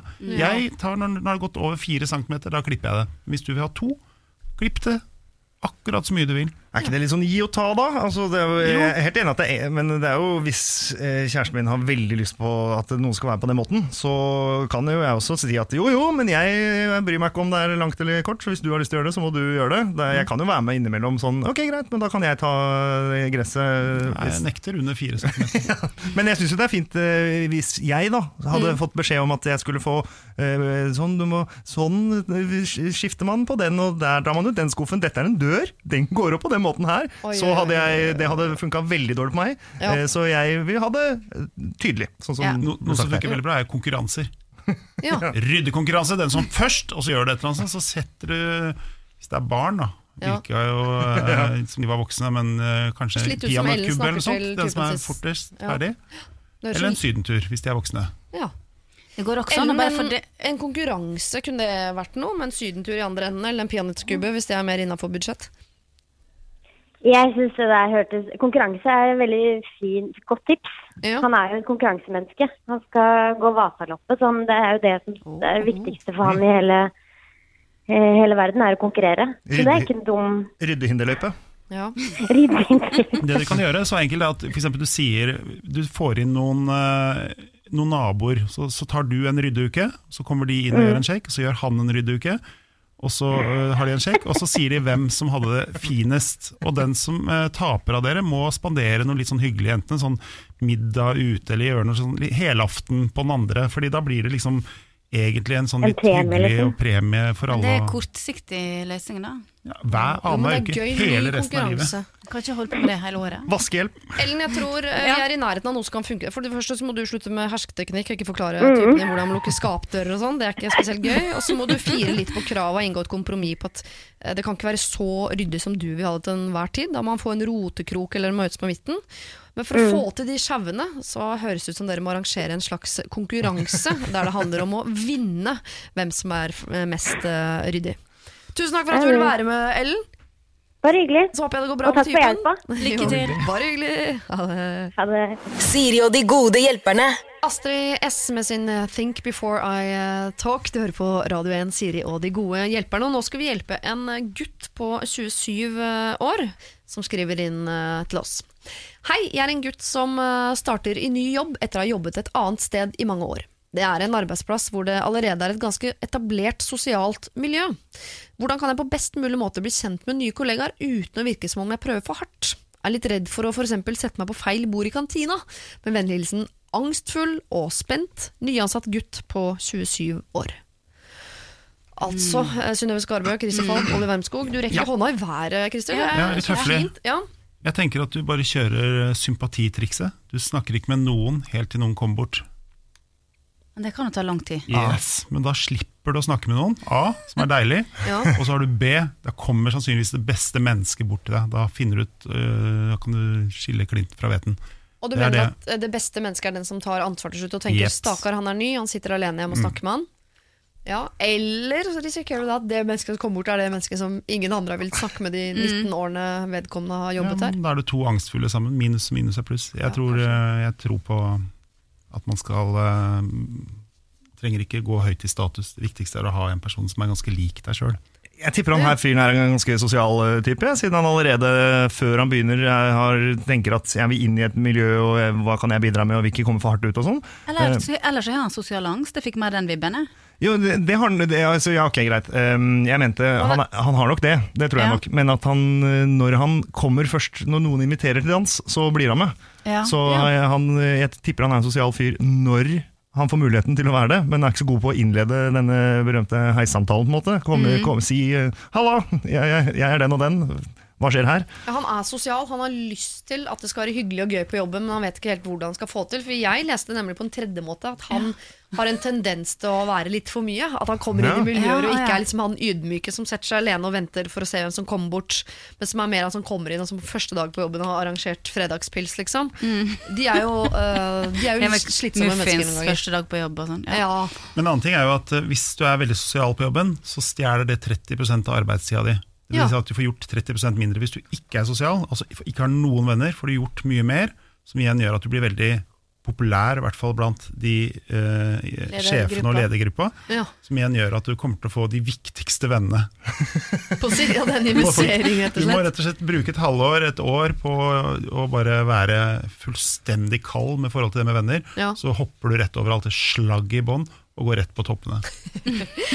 Jeg, jeg liker den, for jeg liker at folk er ydmyke i møte med nye mennesker. På en måte. Jeg er ikke så glad i folk som kommer inn og tar over rommet fra Nei. dag én. Og så tenker jeg også at øh, øh, gi det litt tid. For det er jo egentlig sånn at du er én som kommer inn i ett miljø hvor det er masse folk som kjenner hverandre. Det er egentlig deres oppgave å ta imot deg, ikke din oppgave å, å på en måte øh, angripe dem. Eller... Ja. Mm.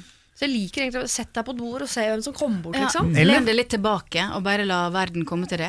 Ja. Eller, eller vent til hvis du har noe for å ta plassen til noen på, i kantina. Vent til alle har satt seg, så du ikke tar plassen til noen. Uh, fordi det kan man fort gjøre. Jeg, Ja, men skal du gå rundt og sulle med brettet ditt i, rundt omkring der da, og ikke vite hva du Å nei, hvor Nei, men det, ja, Du trenger jo ikke å gå først inn. Du kan jo ja, gå på do først, og så gå og ta, hent mat til slutt. Og så ser du hvor folk setter seg, og så setter du deg der det er ledig eventuelt. Eh, Første, Jeg jobba i NRK for lenge siden, og første dag satt jeg meg under det berømte klokkebordet som disse gamle sportsjournalistene satt oh, ja. på. Arne er Skeie og sånn. Ja. Uh, Og da kom alle de bort. Jeg skjønte jeg bare jøss, kommer alle de og setter seg her? Og så Så hyggelig. hyggelig. Jeg tok til og med opp eh, sånn forsiktig, skulle sende en snap til dama om at der sitter jeg rett ved siden av en skeie. Syntes det var gøy.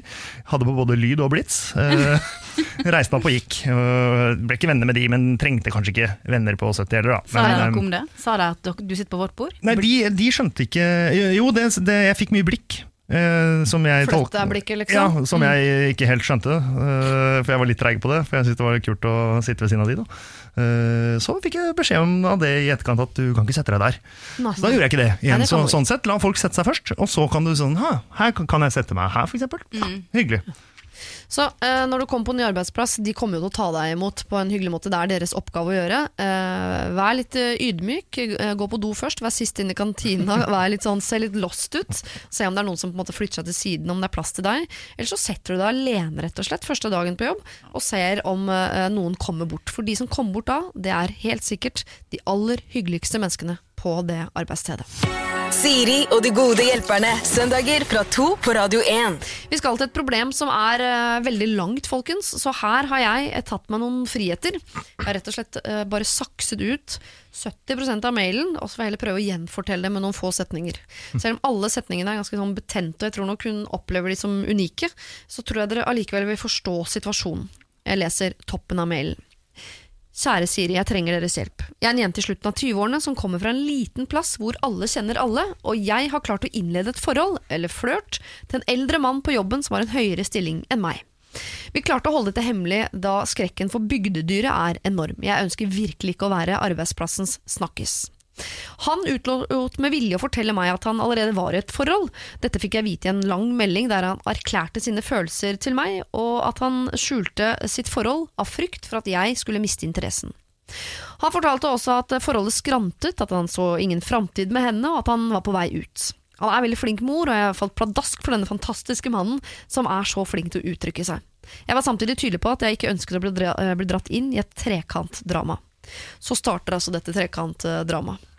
Eh, eh, det er fram og tilbake. Eh, hun, når hun drar til Syden, så tar han pause. Da har i mellomtiden de vært på hyttetur. Hun kommer hjem til han, der står bilen hennes parkert utenfor. Han sier at de ikke er sammen, men trenger litt tid. Altså Det er mye fram og tilbake. For han helt tydelig, denne mannen pleier disse to damene og bruker hele tiden Jeg kan ikke gå fra nå, hun er lei seg, jeg skal gjøre det snart. Det er, altså, fram og tilbake, fram og tilbake, fram og tilbake.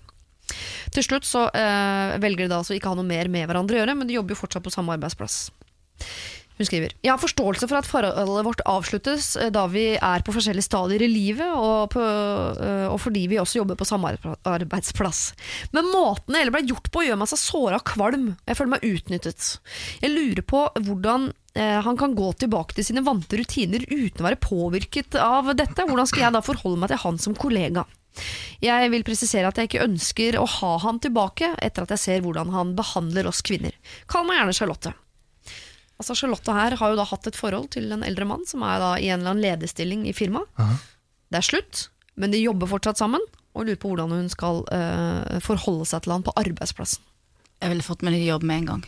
Bytta jobb. Ja, tvert. Men er det ikke han som skal bytte jobb i så fall? Jo, men det det er ikke han til å gjøre. Det Jeg han til å gjøre. Her må bare Hvorfor det?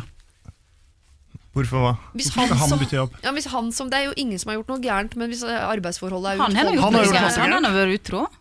Hun har også gjort noe galt, hun egler seg inn på en eh, gift mann. Hun visste jo ikke det. Og kom det også fram i Ja, begynnelsen? Ja. hun, hun visste ikke at han var i et forhold. Altså, det, han har gjort alt. Men hun har fortsatt, etter at hun visste at han var i et forhold. Ja, Da Nei. sa han at han var på vei ut og sånn. Ja, så det han har playa begge to. Det er han Min kone som- forstår meg ikke. Nei, nå har jeg lyst bare å ha mannens parti, bare fordi at jeg hører at det er så opplagt at han skal ta kvinnens parti. Ja. Det er jo fint. Så da kan Ja, jeg men det er være han er drittsekken her, da. Det høres jo litt ut som en sånn eh, i disse tider klassisk metoo-sak, da, egentlig. For han er i lederposisjon, mann, Kanskje- og hun er ung og kommer inn eh, og blir, føler seg utnytta. Antageligvis er du utnytta, ettersom han ikke gikk fra forholdet som han sier han skal ut av. Jo, men Skal vi legge det inn i metoo-sekken? Jeg tenker at Han har sikkert vært forelsket i Charlotte, og så var han forelska i kona, og sikkert forelska en på regnskap og en på etikettering nede i kjelleren. Ja, og da skal du da er jo, da skal du ikke gjøre noe, måte. Men er sånn, du du, kan være for, du kan jo være forelska i noen en dag, og så en uke etterpå så kan du være et annet sted. Liksom. Det kan jo Ja. at han var oppriktig forelska, hadde lyst til å gå ut av forholdet, og så har det skjedd et eller annet. Du veit ikke åssen hun har vært på veien. Kanskje hun har vært en jævla skjøge på veien. Det er mulig. Ja. Men sånn som hun fremlegger det, da. Ja, ja, Så vi hører jo bare fra den ene siden. Ja. Så, vi- så må vi jo Eller vi må jo ingenting. vi Men må tro på henne. jeg, ja, Jeg syns ikke vi skal automatisk tro på henne. Hvis du, får, hvis du spør han, Ja. så vil du sannsynligvis få en helt annen versjon av saken. ja, det Men jeg Men uansett hva uh, saken har vært altså Charlotte har kanskje vært eh, naiv, hun har vært forelsket. Han har antakeligvis vært forelsket, uh, ikke skjønt situasjonen. Altså, uh, det kan være mye rart, men nå er det slutt mellom de. Ja. Ingen vil ha noen. Nei. Men de jobber på samme arbeidsplass. Charlotte må på en måte er veldig nysgjerrig på Han hvor tett går de rundt der som leder, på en måte. Hvem var der først?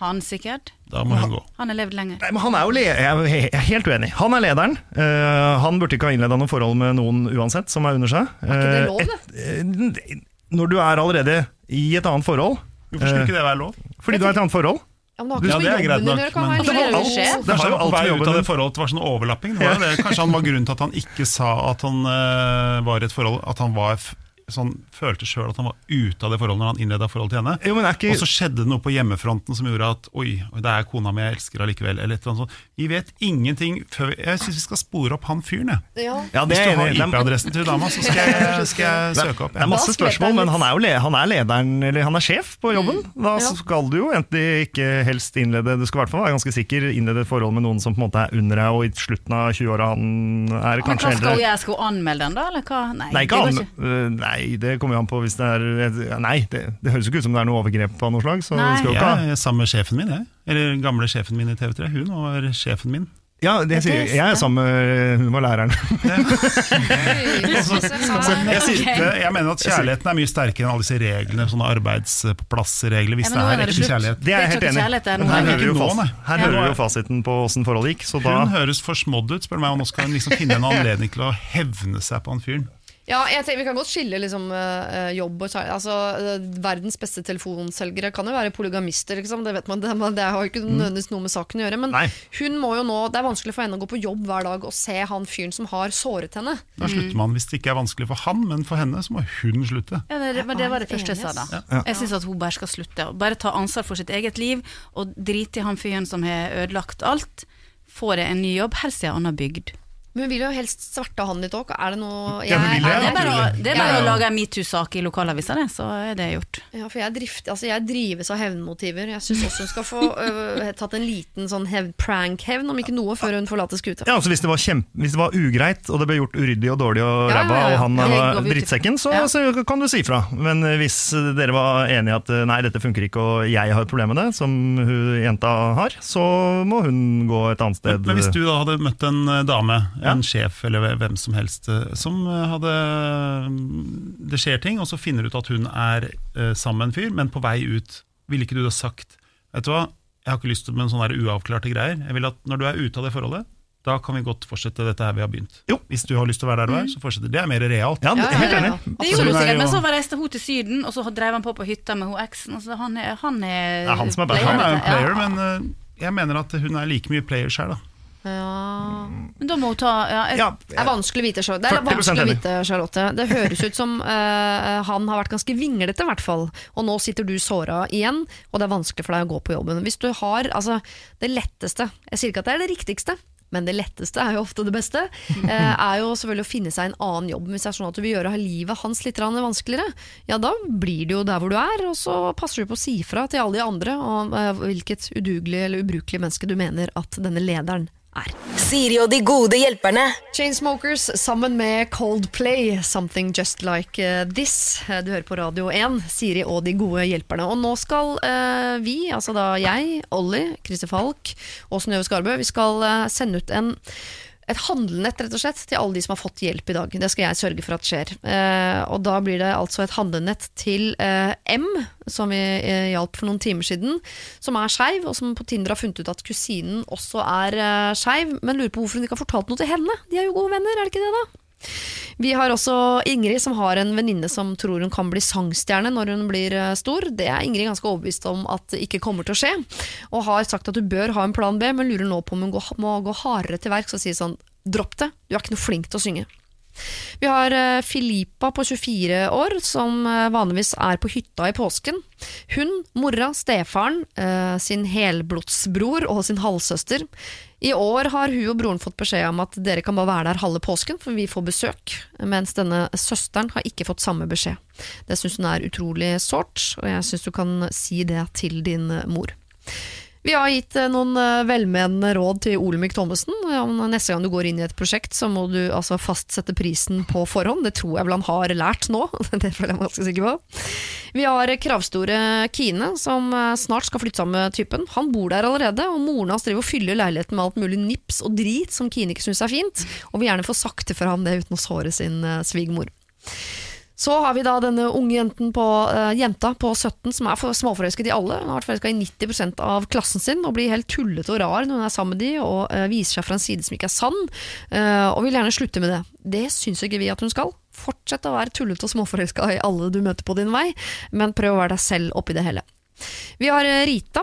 Jeg er sikker på at dere husker Rita. Hun er singel og søkende, ligger med folk, og så tar hun vare på trofeer. Truser eller tyggis eller hva det måtte være, stjeler fra disse guttene eh, for å minnes det. Det syns vi er helt topp. Så lenge det bare er uskyldige ting, fortsett med det.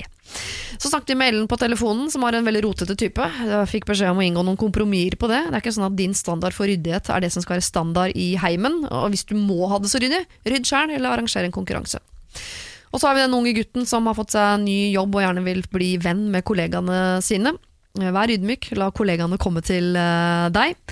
Så har vi også her Charlotte, som har hatt et forhold til sjefen på, eller en av lederne på jobben. Det er slutt, og hun lurer på om hvordan hun skal klare å forholde seg til han i fremtiden. Det enkleste er jo da å bytte jobb. Alle de får hvert sitt handlenett, og i tillegg så skal du Christer og du eh, Synnøve få lov til å sende, eller gi et nett til noen dere mener at trenger det. Ja. Skal jeg begynne? Jeg tipper at du har et eller annet ondskapsfullt. Nei, jeg er koselig.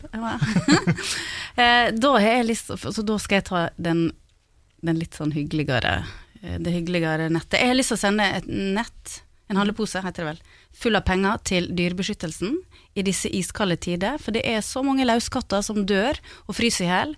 Eh, når det blir mer enn ti minutter, så det har vært over lang tid nå, så jeg har lyst til at de skal få litt ekstra midler til å redde enda flere.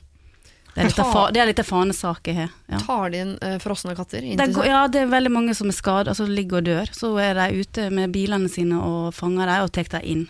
Ja, Men for at det skal bli redda flere, så trenger de mer penger. Så det, de får en klunk fra meg. Ja. Hm. var koselig. Jeg er litt i samme gata. Jeg har lyst å fylle et handlenett med den nye Walters mandler med en sånn kokossmak, og så gi det til han Jørgen Foss.